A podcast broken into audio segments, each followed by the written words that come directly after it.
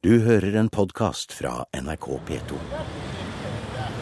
Vi står foran universitetet på Karl Johan. Snart skal vi inn på kontoret som ligger ett vindu til høyre for søyletrappa i midtbygningen, Domus Media. Universitetet sto ikke ferdig før i 1851, men likevel er det 1814 vi tenker på. For vi går på Karl Johan, rett der borte på Eidsvolls plass står statuen av Christian Fredrik. På den ene siden troner Slottet, og på den andre ligger Stortinget. Og fra kontorvinduet til professor doktor juris Ola Mestad kan vi se alt sammen. Det er jo en fryd å sitte og ha kontoret på Karl Johans gate, selvfølgelig, i de gamle universitetsbygningene.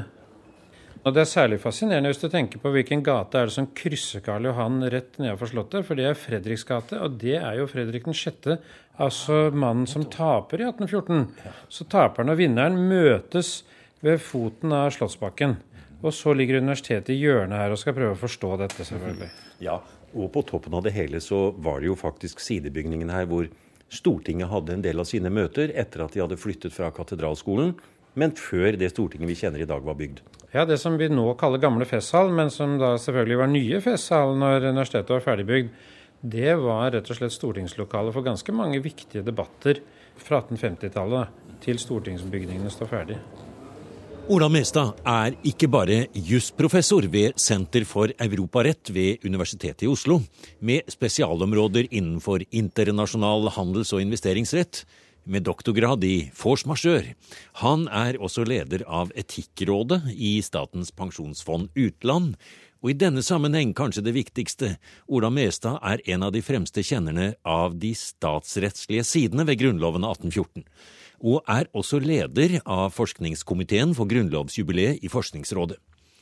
De har de siste årene bevilget fire titalls millioner kroner til en rekke tverrfaglige forskningsprosjekter knyttet til grunnlovsjubileet.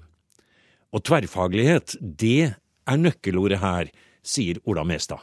Ja, Det som jeg syns en virkelig har fått til nå i anledning jubileet, er et samarbeid ikke bare mellom historikere og rettshistorikere, men også med samfunnsvitere ellers. Eh, slik at det, det, har vært veldig mye tverrfaglig arbeid som jeg vil si har vært noe av det mest verdifulle i hele grunnlovsforskningsprosjektet. Bl.a. fordi, som en kan tenke seg, så utfordrer de ulike faglige gruppene hverandre. Statsviterne, tenker historikerne, de har ikke så god greie på hva som faktisk skjedde. Eh, mens omvendt så tenker statsviterne at historikerne det er mye detaljer, men har de noe overordna grep og så kommer juristen inn kanskje og sier men det er ikke noen normer her, hva er tankemåten da? Eh, når vi ser hvilke forutsetninger de resonnerte ut fra. Og så vil jeg si at i årevis har vi holdt på nå mellom disse faggruppene, ikke krangla nødvendigvis, men i hvert fall diskutert på en produktiv måte hvordan skal vi egentlig oppfatte eh, et fenomen. Det har rett og slett vært en svær glede da, altså, eh, å jobbe med det på tvers. Og det er faktisk litt ros til Stortinget opprinnelig, som sa at denne forskningssatsinga skal være basert på flere ulike fagtradisjoner. Og det har vi da prøvd å følge opp, og også nærmest presse folk fra ulike fagbakgrunner sammen. Det syns jeg virka bra. Og i et program som museum er det jo den historiske delen av dette vi skal stupe inn i om et lite øyeblikk. For moro skyld har vi kalt vår samtale med Ola Mestad om dette for en slags uh, sluttprosedyre, som kanskje kan summere opp i hvert fall noen poenger fra den nye forskningen. Men med så mange seminarer, bøker, forelesninger og rapporter fra nord til syd, forstår vi egentlig vår egen historie bedre på denne måten, eller kanskje legger vi for stor vekt på 1814? Egentlig tror jeg at vi gjør det. Men det er så nærliggende akkurat i 200-årsjubileet å diskutere det året, for det er jo et utrolig sentralt år. Det er jo grunnleggingen av den moderne norske staten. Det er jo, og I tillegg til dette fred i 200 år osv. Men det som forskningskomiteen var opptatt av at den skulle bruke jubileet til, det var jo nettopp ikke bare å diskutere 1814, skulle diskutere lange linjer gjennom de 200 åra. Det er nok det mest krevende. Det er det færrest som ville prøve å gjøre. For da må du jo mestre stort en stor historisk utvikling. Men det tredje var jo nettopp hva er utfordringene og dilemmaene i dag knytta til Grunnlova.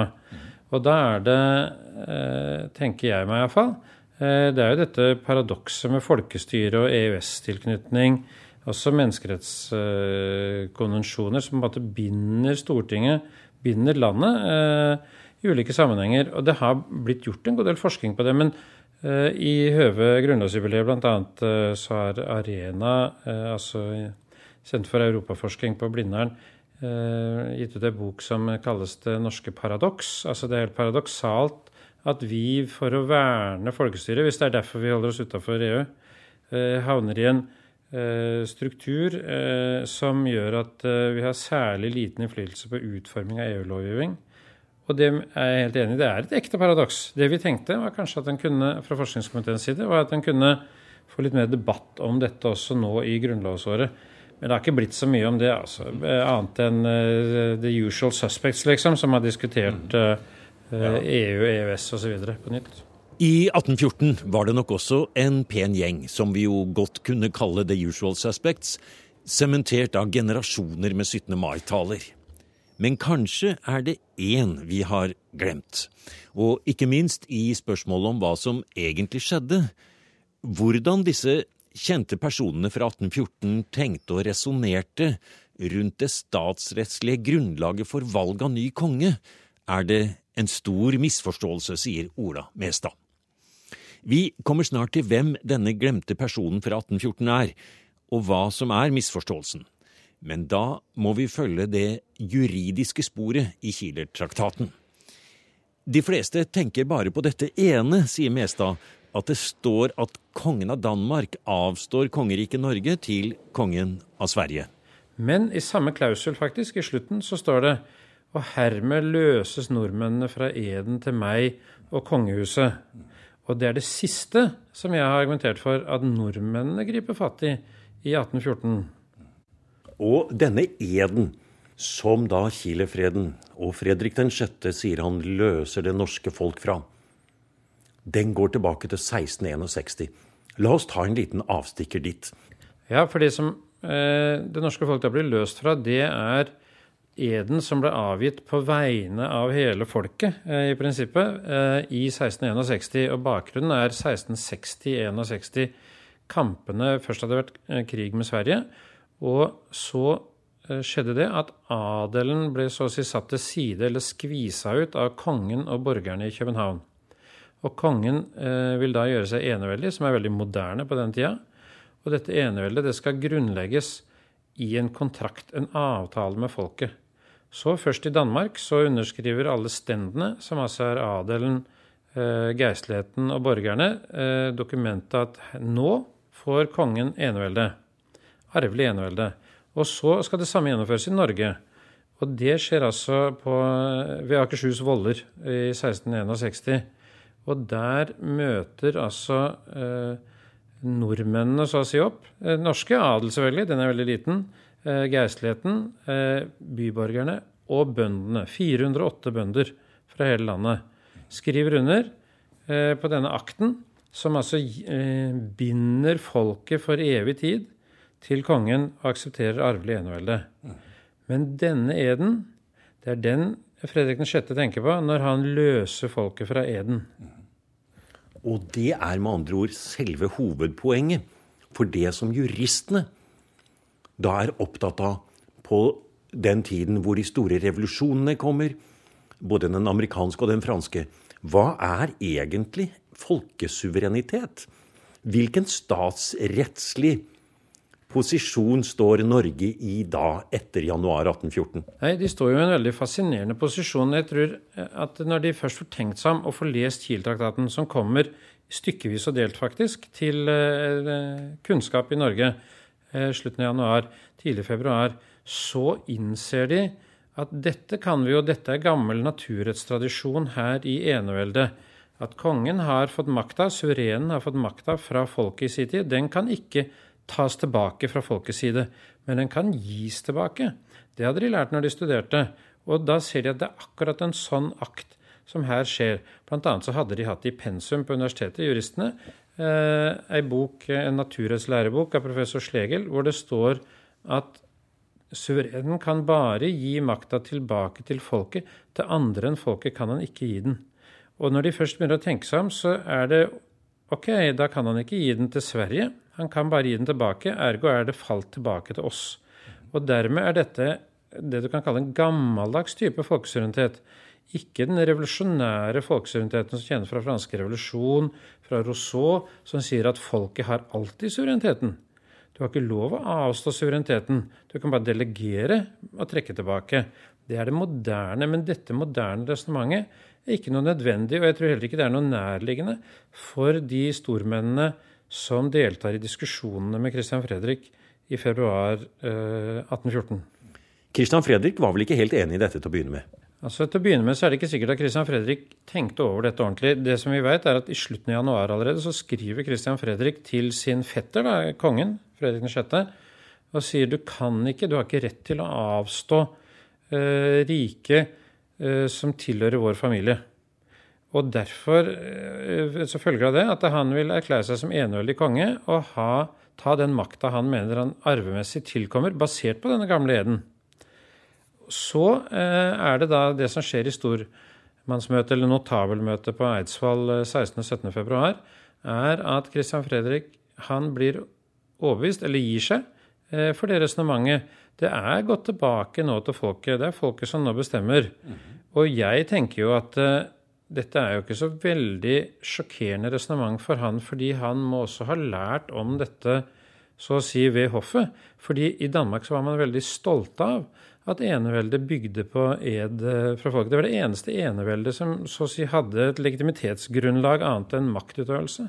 Men man hadde kanskje ikke tenkt på der ved hoffet og i salene på Rosenborg slott og alle de andre stedene at denne situasjonen kunne opphøre en dag? At de faktisk ikke hadde det neden, og de hadde vel i hvert fall ikke tenkt seg at de selv skulle avstå Nei, det tror jeg absolutt ikke de hadde tenkt på. Tror, eh, det sies at eh, Fredrik 6. var jo veldig djupt fortvila over dette å skulle avstå. Men han har nok visst hva det betydde. fordi at allerede i 1813 så pressa jo Sverige på for å få Norge. Eh, og da var et av svara fra København, fra kongehuset, det var rett og slett det kan vi ikke gjøre uten samtykke fra folket. Slik at de kjente resonnementet sjøl, men da skulle de bruke det til et forsvar for at de ikke kunne avstå. Og ikke så å si, tenke gjennom hva skjer hvis vi avstår.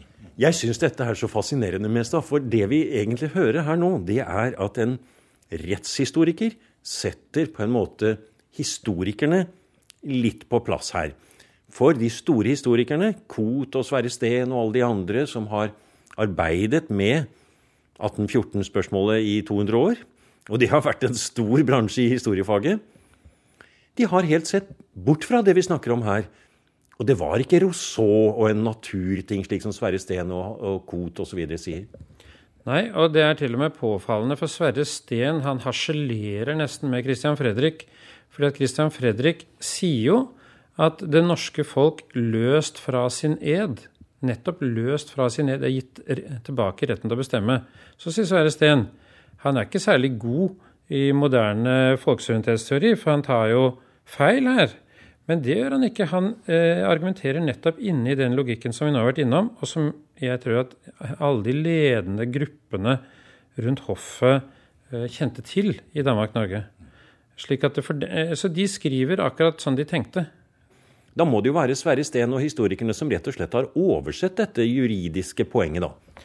Ja, jeg tror de har feiltolka dette. Nå skal vi jo ikke overdrive juridiske poenger heller, selvfølgelig, men, eller hvilken betydning jussen har, men her tror jeg rett og slett det var helt naturlig for dem Altså, dette er stormennene, de som er med på Eidsvoll.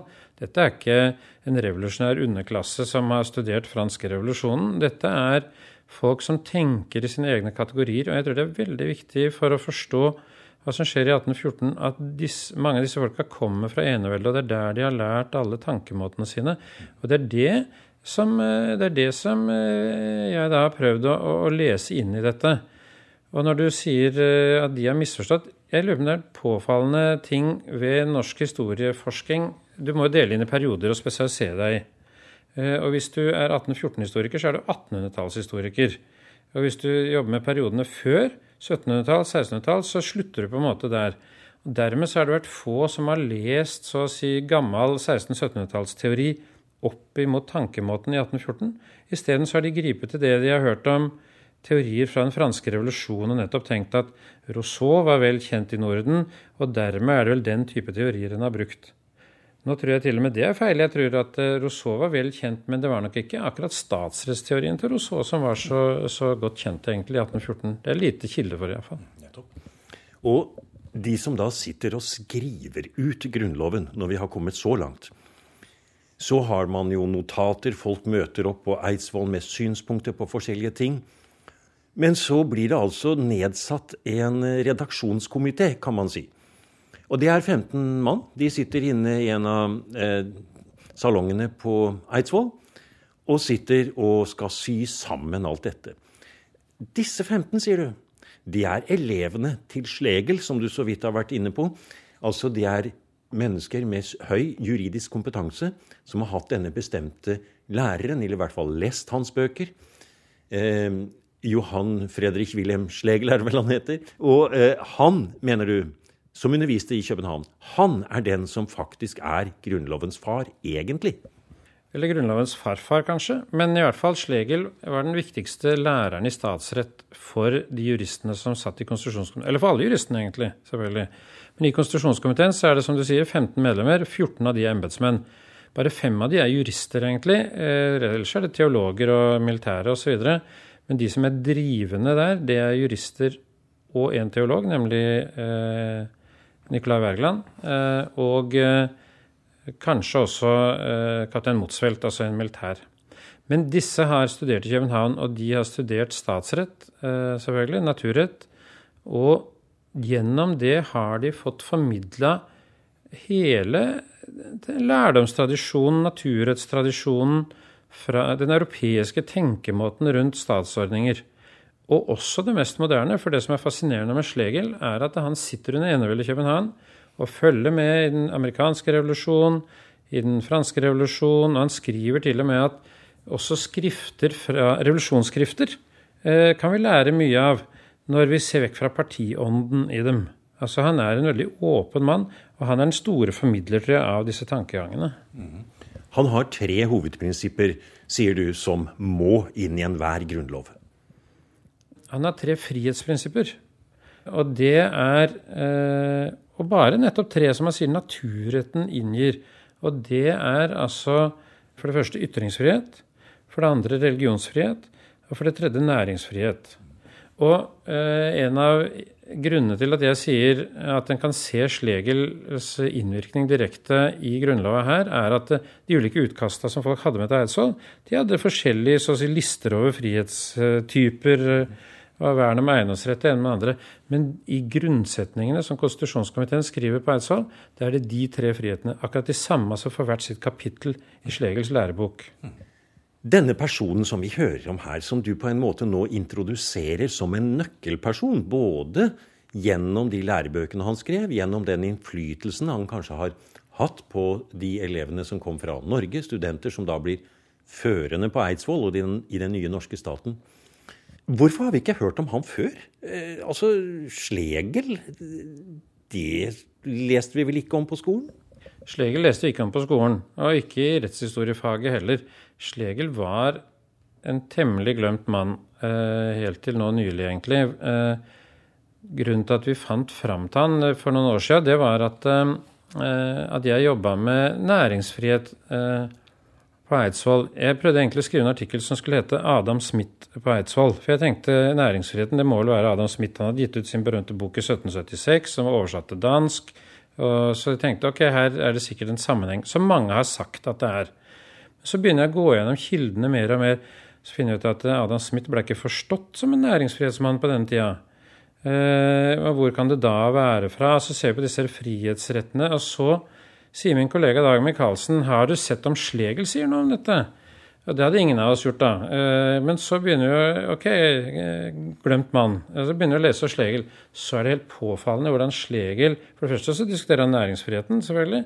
Men så er det helt påfallende hvordan han på punkt etter punkt diskuterer ting akkurat på samme måten som de diskuterer det på Eidsvoll. Mm -hmm. Og da begynner vi å få den igjen. Ok, her Dette er selvfølgelig eh, kilden, ikke opphavet til tenkinga, men det, han er formidleren av disse tankene og systematisereren av tankene.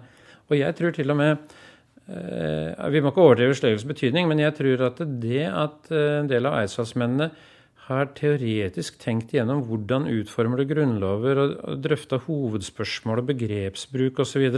i grunnlovsskriving mens de studerte under eneveldet, det er en av grunnene til at de så raskt kunne skrive ei grunnlov som virka.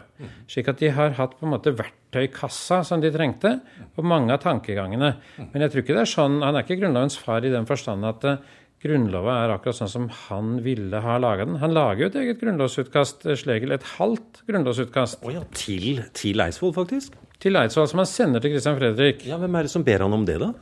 Det er det ingen som veit ennå. Men jeg ville jo tro at det må være Christian Fredrik. For han er jo den fremste statseslærde i eh, tida. Ja, Og så er det jo Georg Sverdrup i København mye og skal hente bøkene til universitetsbiblioteket. Han var jo en av forkjemperne for denne Slegel-tanken.